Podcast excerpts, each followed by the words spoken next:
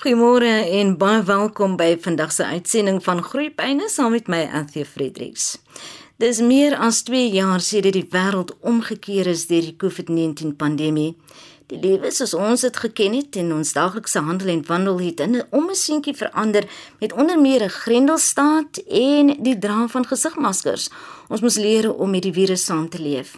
Maar watter emosionele impak het die pandemie en die gepaardgaande reëls op ons kinders gehad? Ek gesels vanoggend met Dr. Witske Boon, 'n spesialis beraader hieroor. Môre Witske, baie welkom by Groepyne. Baie dankie. Soos ek gesê het, dis nou al meer as 2 jaar en het COVID-19 nie ons lewens holderste bolder verander nie.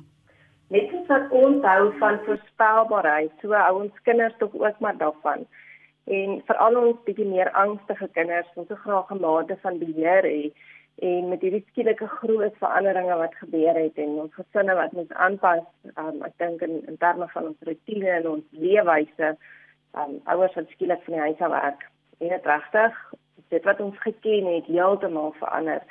Um, in terme van finansies gesinstyd sosiale interaksie uh, kinders se beweegruimte is ingeperk um, regtig 'n baie groot trauma wat gebeur het um, in hierdie tyd dink ek is daar regtig 'n groot skaalse impak gewees op um, hoe ons kinders se lewens ook verander het. Daar word dikwels beweer dat kinders aanpasbaar is witske ook so met hierdie virus en die gepaardgaande pandemie. Ek dink ons kinders het 'n keuse gehad nie. Almal moet aanpas. Dit het skielik gebeur en ek dink ons het ons beste gedoen om ons kinders daarvoor voor te berei. Um, ek is baie dankbaar vir ouers, die skole, die organisasies. Um, Daar's 'n klomp kundiges wat ingespring het en soveel inligting beskikbaar gestel het en gehelp het om ons kinders voor te berei. En wat uitgekyk het vir tekens dat ons kinders nie aanpas nie. Maar ek dink in baie gevalle was dit baie moeilik om weer 'n balans te vind um in hierdie hele nuwe leefstyl wat ons gehad het. Ek dink daar word daar struktuur en rotine dieselfde gebly het of min of meer dieselfde gebly het. Um of vinnig in plek gesit is, het die verandering bietjie draagliker gemaak vir die kinders. Kinders kyk natuurlik na ons as ouers en as volwassenes om die leiding te neem, maar hoe gemaak as ons self dan nou onseker is, bang is, wysfoos is? Ek dink moet oppas om nie te sê ons mag nie hierdie goed ervaar nie. Ek dink as 'n 'n ouer self en volwassene voel ons baie keer ons moet in beheer wees en ons moet weet hoe om sekere dinge te hanteer. Ons mag hierdie emosies ervaar. Ons is deur 'n pandemie. Die belangrikste is hoe om dit hanteer. Ons kinders kyk en hulle leer hoe reguleer ons ons eie emosies en hoe tree ons op wanneer ons bang is of onseker is of regtig net moeg is um, ons het nie nodig om hierdie emosies net te onderdruk nie. Juist nie. Ons is so geneig om net te maak asof ons reg is en ons aangaan. Ons het juist nodig om te sê ons het aanvaarbare maniere hoe ons dit gaan hanteer en hoe gaan ons dit kommunikeer. Ons self het nodig om te weet wanneer om hulp te kry. Dit geld vir die ouers, vir onderwysers, vir ons as kundiges ook. Enige iemand wat met kinders werk moet weet waar is jy emosioneel en wanneer jy voel dat jou emosies regtig moeilik raak en dat jy nie regtig nie in beheer is daarvan nie dat jy self sou weet ek het nodig om uit te gaan en hulp daarvoor te gaan kry? Hoe hanteer ons dan ons kinders se warboel emosies en daardie hinkering of liewer hinkering na wat normaal was in 'n in 'n in 'n tydperk soos hierdie uh want nie almal van ons kan uitreik noodwendig na professionele hulp nie Die belangrikste is dat ons kinders sekuriteit ervaar en dit gebeur binne die gesin se rotine en struktuur, binne die konsekwentheid wat ons hulle gee. Um, ons hantering weer een van die uitdagings wat met die pandemie gepaard gaan. As ons negatief is en ons praat baie negatief oor die huidige situasie, dan dra ons dit oor aan ons kinders en hulle ervaar dit nog soveel meer negatief.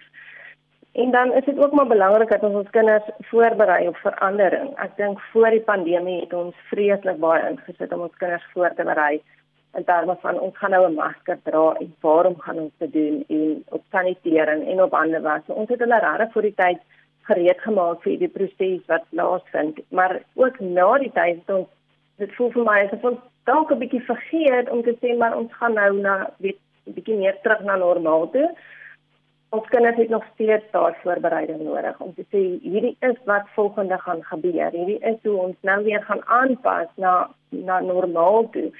Um ons het skielik teruggegaan hierdie jaar voel dit vir my is ons terug in 'n 'n volskool. Die skool is oop, daar's buitemuurse aktiwiteite. Um die eksamens gaan weer voort, maar ons kinders word nie noodwendig voorberei om te sê hierdie is waar ek um nou is en hierdie is wat volgende gaan gebeur nie. So ook in terme van die 2 jaar wat baie van ons kinders verloor het, is hulle skielik van um graad 1 na graad 4 en daai voorbereiding op hierdie heeltemal 'n nuwe 'n nuwe wat vir ons altyd normaal was, leefwyse met hulle is skielik voor voorberei word. So daai voorbereiding, daai sekuriteit, rutine, struktuur.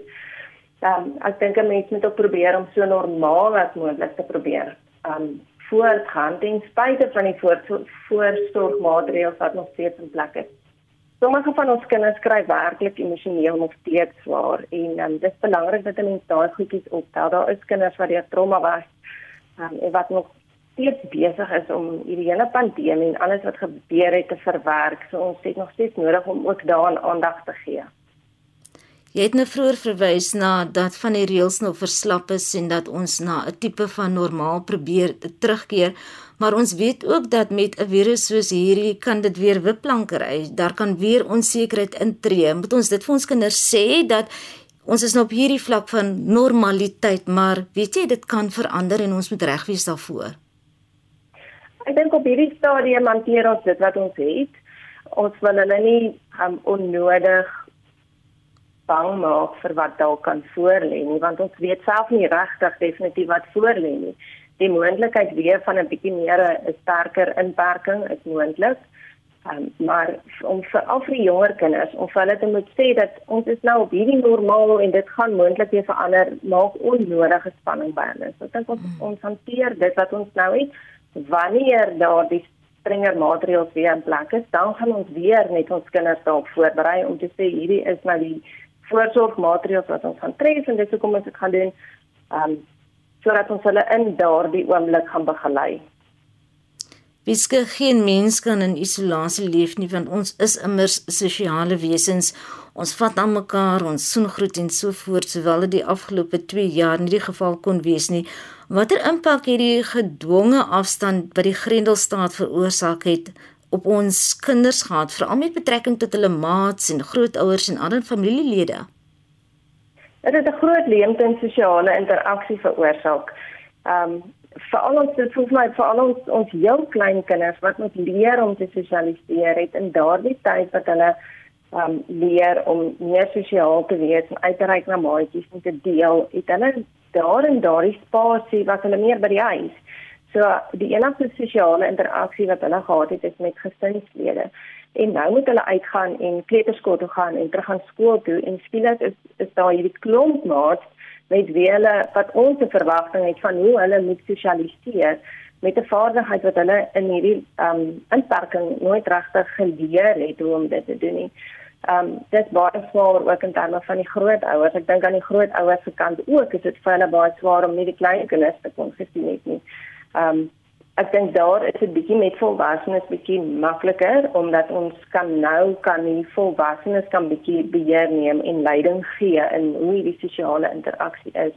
Maar dit is regtig nodig om van ons kinders leiding te gee in terme van sosiale interaksie en die vaardighede wat hulle daar rondom moet leer. Ehm um, in terme van sosiale stimulasie, ehm um, sien ons ook vreeslik baie kinders wat of afgesluit is sosiaal um, wat net ek dink dit dalk met die saniteer nee in die begin was ons almal vreeslik ons het hierdie skerp reuk gery en hierdie saniteerder nou is ons so gewoond aan hierdie skerp reuke dat ons sintuie eintlik 'n bietjie afgesluit het vir dit wat in ons omgewing is.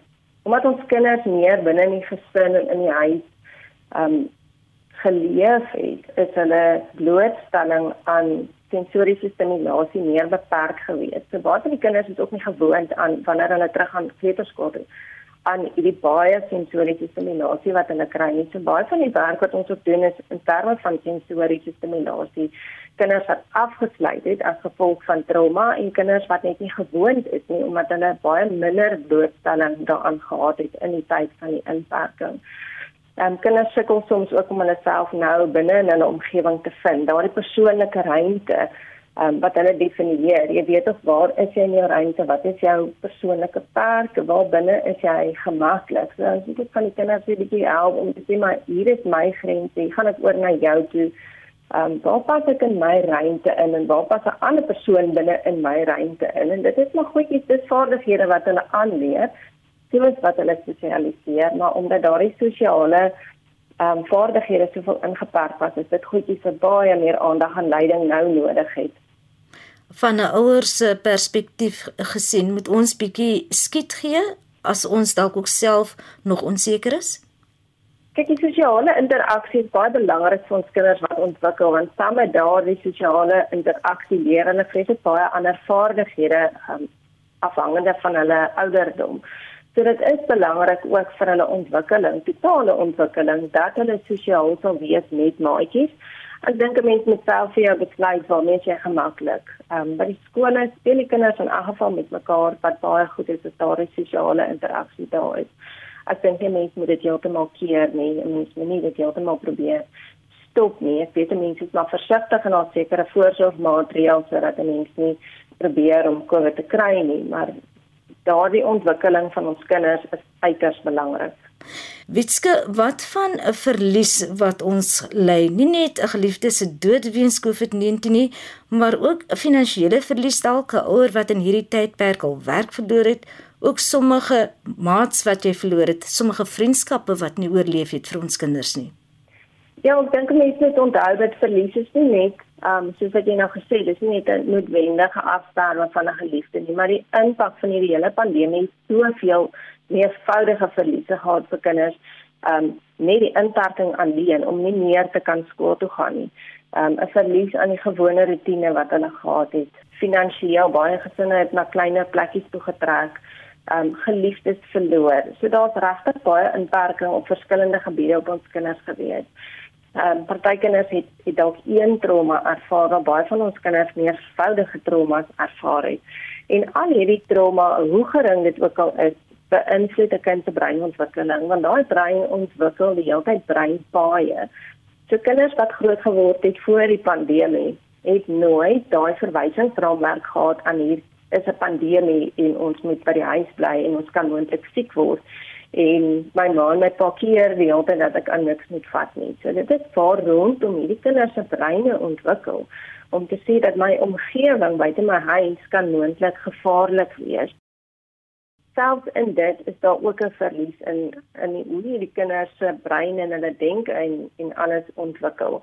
Ek dink 'n mens moet regtig uitkyk vir tekens van trauma by kinders. Weet jy mense kyk gewoonlik maar kyk ons na verandering in gedrag. Ek ken jou kind, so jy weet min of meer wat is sy gewone gedrag, maar sodra daar verandering is in terme van eet of slaap, vreeslik oor emosioneel dan weet ons, weet jy wat, hier is moontlik iets wat pla en ons het nodig om te gaan kyk wat dit is. Wanneer jy weet jou kind is definitief deur trauma en dan wat verskriklike groot veranderinge of die afsterwe van 'n geliefde saam met gedragsverandering, dan is die moontlikheid baie groot dat daardie um, gedragsveranderinge kom as gevolg van die verlies wat die kind ervaar het. Jy het nou daarna verwys, maar ek wil dit net weer optel met gesigmaskers veral wat uh, gesondheidsvoordele inhou. Ons het dit nodig om ons te beskerm teen die virus, maar dit bied ook vir ons 'n manier om ons gesigsuitdrukkings en ons emosies makliker weg te steek en kinders self kan daar agter skuil. So hoe gemaak met 'n kind wat in elk geval nie maklik oor sy of haar emosies praat nie en ons sien die tekens raak. Belangrik dat ons veral binne in die gesin baie met ons kinders kommunikeer. Um, dit is die enigste plek ook in hierdie tyd wat hulle regtig kon gesien het hoe die gesigsuitdrukkings gevorm word want op by die huis dra ons nie gesigsmaskers nie en dis daar waar hulle die meeste van hulle taalontwikkeling en emosionele ontwikkeling ook gebeur. So daardie kommunikasie tussen die ouers en die kinders is verskriklik belangrik en mense moet regtig dalk 'n bietjie meer moeite in hierdie tyd doen om dit op te skerp. Um dis ook net meer as die as die emosionele ontwikkeling dat ons kinders se taalontwikkeling ook agter hierdie maskers mm skade gelei het. As ons nou weer gou-gou gesels oor die emosionele ontwikkeling wat jy nou aangeraak het, baie van die kinders sukkel om om regtig te praat oor hoe hulle voel, maar daar's ook alternatiewe wat ons kan gebruik. So ons kan gesels met handpoppe, my handpop met jou handpop. Um of deur middel van van speelgoed wat met mekaar kan gesels. Ons kan storieboeke werk wonders um, om daai emosionele taal eintlik vir kinders aan te leer. Daar's oulike boekies wat elkeen oor 'n spesifieke emosie handel, maar ons kan ook net enige boek vat en nie die teks lees nie, maar net kyk na die karakter se gesigsuitdrukkings en regtig net 'n bietjie daaroor gesels. Hoe lyk hierdie karakter? Hoekom voel hy so? Wat het gebeur? Wat gaan hy doen? Op daardie manier bou ons ons kinders se emosionele taal en die kommunikasie daarvan. Hulle het baie herhaling nodig. So, ehm um, hoe meer mense dit aanvoer, hoe meer gaan hulle dalk begin deelneem daaraan. Maar dit is weer eens wanneer jy sien dat daar 'n probleem is of vir die kind wil glad nie oor emosies praat nie of die taalontwikkeling is agter vir die kind se ouderdom dat 'n mens regtig aandag daaraan gaan gee. En ons as ouers maak natuurlik staat op ons intuïsie om te weet daar is fout wanneer ryke mens uit vir hulp na buite. Ek dink 'n goeie aanduiding in die eerste plek om te weet baie ouers vra baie keer, hoe weet ek is my kind op sy ouderdomsvlak? ek dink vir 'n kind wat skool toe gaan in 'n kleuterskool of 'n laerskool is, kan 'n mens nogal lekker raad kry by die onderwysers ook omdat hulle oor 'n spektrum weet min of meer waar moet die kind in sy ontwikkeling wees sodat ons weet is die kind agter of is hy nie agter nie maar sodra enige gedrag of enige um agterstand normale funksionering belemmer dan het ons nodig om daarna te kyk omdat dit die volgende ontwikkelingsfase weer beïnvloed So ons kan sê 'n kind met 'n um, byvoorbeeld 'n taalagterstand, sy woordeskat uitbreiding gaan dalk lei onder 'n taalprobleem. So kind met 'n met emosioneel wat sukkel met emosionele uitdrukking, sy volgende stapie gaan wees om regtig sy emosionele taal op te bou sodat hy sy emosionele regulering kan regkry en die sosiale interaksie kan hê. So ons het nodig om seker te maak dat dit waar die kind nou is, nie sy normale funksionering belemmer nie, want dan het ons nodig om daaraan aandag te gee. Kom ons praat vinnig oor tegnologie en dan veral met betrekking tot tot ons ouer kinders, ons tieners dalk. Jy weet hulle daar kan 'n oorlading wees van inligting oor wat aangaan, nie net met die virus nie, maar ook 'n ander uh, moontlike trauma uh, daar buite. Hoe beperk mense dit en hoe bestuur jy dit en die inligting wat ons kinders dan kan inneem? As ouers is ons nodig om regtig te weet waarna kyk ons kinders en dit bietjie te monitor en beheer en te sê wat laat ons toe en wat nie. Baie TV-programme kan 'n mens beheer ten opsigte van die ouderdomsbeperking wat jy daarop sit. Ek dink ook is belangrik vir eens daardie kommunikasie met jou kind om te kan weet um, wat laat jy hulle toe, maar ook om dit wat jou kind gesien of gehoor het of gaan oplees het om dit oor te gesels en te bespreek en gereeld eintlik net oor die algemeen gesprekke te voer rondom wat voel kinders ten opsigte van iets soos COVID of enige iets anders wat hulle moontlik gesien of gehoor of gelees het. Dat 'n mens net weet wat weet hulle en moontlik as daar 'n wanpersepsie is te kan regstel. So ek dink as as ouers veral beheer en toesig en kommunikasie ten opsigte van die tegnologie wat ons toelaat. Jy luister na Groepyne op Radio Sonder Grense. Net hierna gesels ons verder oor COVID-19 se emosionele impak op ons lewens en veral die van ons kinders. Welkom terug. Jy luister na Groepyne op Radio Sonder Grense. My gas vanoggend, Dr. Witske Boon. Sy is 'n spesialis beraader. Ons praat oor die emosionele impak van COVID op ons lewens. Kom ons beweeg na die volwassenes toe Witske. Moet ons deel word van ondersteuningsgroepies? Moet ons op mekaar kan leun want ons is mos nie eilande nie? dit is belangrik dat ons nog steeds self ook sosiale interaksie het met ander mense en dat ons ook daardie ondersteuning het. Ehm um, as ouers baie keer weet ek is daar 'n 'n onsekerheid. Dit is nou dieselfde met die vraag wat jy nou vra is daar is hier onsekerheid van wat laat ek doen? Wat mag ek doen? Wat doen ander ouers? Ehm um, wat doen ander ouers se kinders? Is my kind nog op die regte pad? um, is daar alternatiewe van hoe ek my kind kan grootmaak. So eintlik oor die algemeen nie eers net met COVID nie, maar in terme van enige ander goed waardeur ouers op 'n stadium gaan help dit om iemand te hê wat jou ondersteun, help dit om iemand te hê wat um dieselfde pad as jy stap, sodat julle net met mekaar kan klankbord of net met mekaar kan gesels of idees kan uitruil. Um dit is baie moeilik om 'n aan die een paadjie te stap in ouerskap en mense baie keer um bietjie hulp leiding nodig. Dit is nie noodwendig 'n professionele persoon te wees nie, maar daar 'n ekstra oor wat net kan luister en al mense kan sê is ek nog op die regte pad of nie en mekaar op daardie manier kan dra. Natuurlik ook op ons laerskole en hoërskole is daar dikwels skoolberader waar mens nou kan gaan kers opsteek of net 'n briefie skryf en vra asseblief kan jy help met, met my kind uh, dis nou vir mense wat nie dit kan bekostig om 'n professionele sielkundige of 'n professionele beraader te gaan sien nie. Watter hulp stel jy voor of wat sou jou wenke wees na wie toe kan 'n mens uitreik?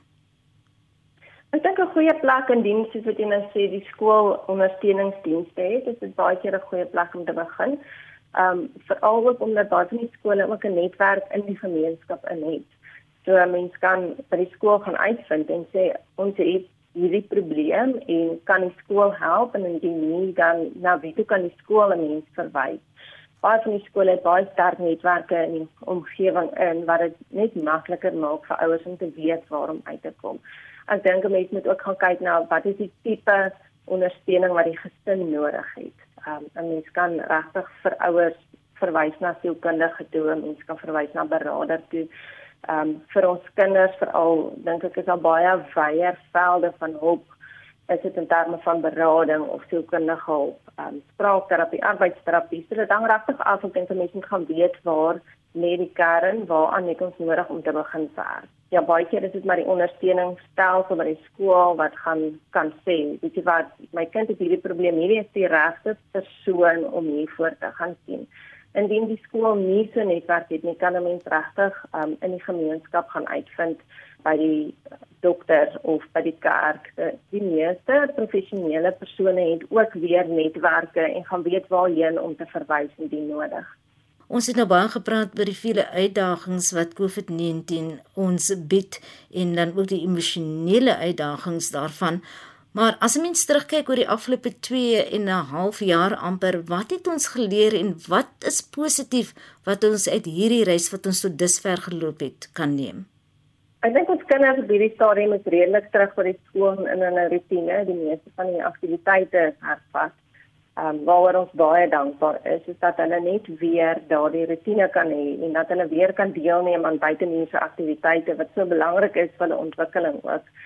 Ehm um, daar is nog steeds trauma en verliese wat ongelukkig nog steeds deurgewerk moet word, maar ek dink almal het al 'n bietjie meer kundigheid in terme van van wat volgende moet gebeur um, om hierdie verliese te verwerk. Daar is nog steeds by sommige gesinne finansiële uitdagings.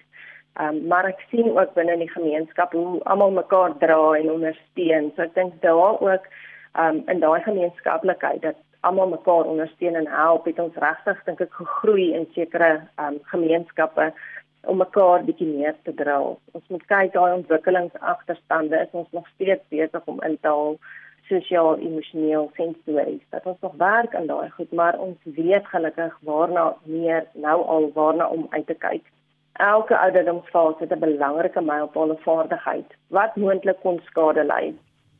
Ehm um, so van die Peters wat leer praat het oor die tieners wat hulle identiteit moet ontwikkel deur sosialisering. Is dit maar goed wat ons nog aan werk en wat ons nog leer uit um, en ek dink ons stel nog baie van die pandemiese goed op wanneer ons met die kinders werk om te weet hierdie ding kom eintlik uit 'n inperking uit. Kom sekondêr as gevolg van 'n inperking wat weer finansiële en verhoudingsprobleme veroorsaak het in breed is daar vreeslik baie inligting daar buite en dink ek het ons al so baie inligting gekommunikeer met mekaar dat ek dink ons almal weet al bietjie meer as wat ons geweet het voor die pandemie en hoe om hierdie situasie te hanteer hoe, hoe om ons kinders ook hierdeur te lei.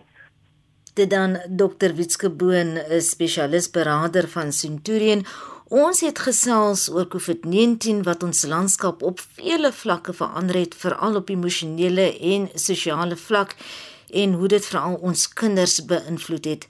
Witske, as mense graag met jou sou in verbinding wil tree, hoe kontak hulle jou? My kontakbesonderhede is beskikbaar op die webwerf. Dit is www.childtherapist.co.za. www.childtherapist www.rsg.co.za. En daarmee groet ek. Onthou jy kan weer na vandag se gesprek luister. Laai die potgooi af by rsg.co.za. Ons maak weer so volgende week, selfde tyd, selfde plek. Mooi loop.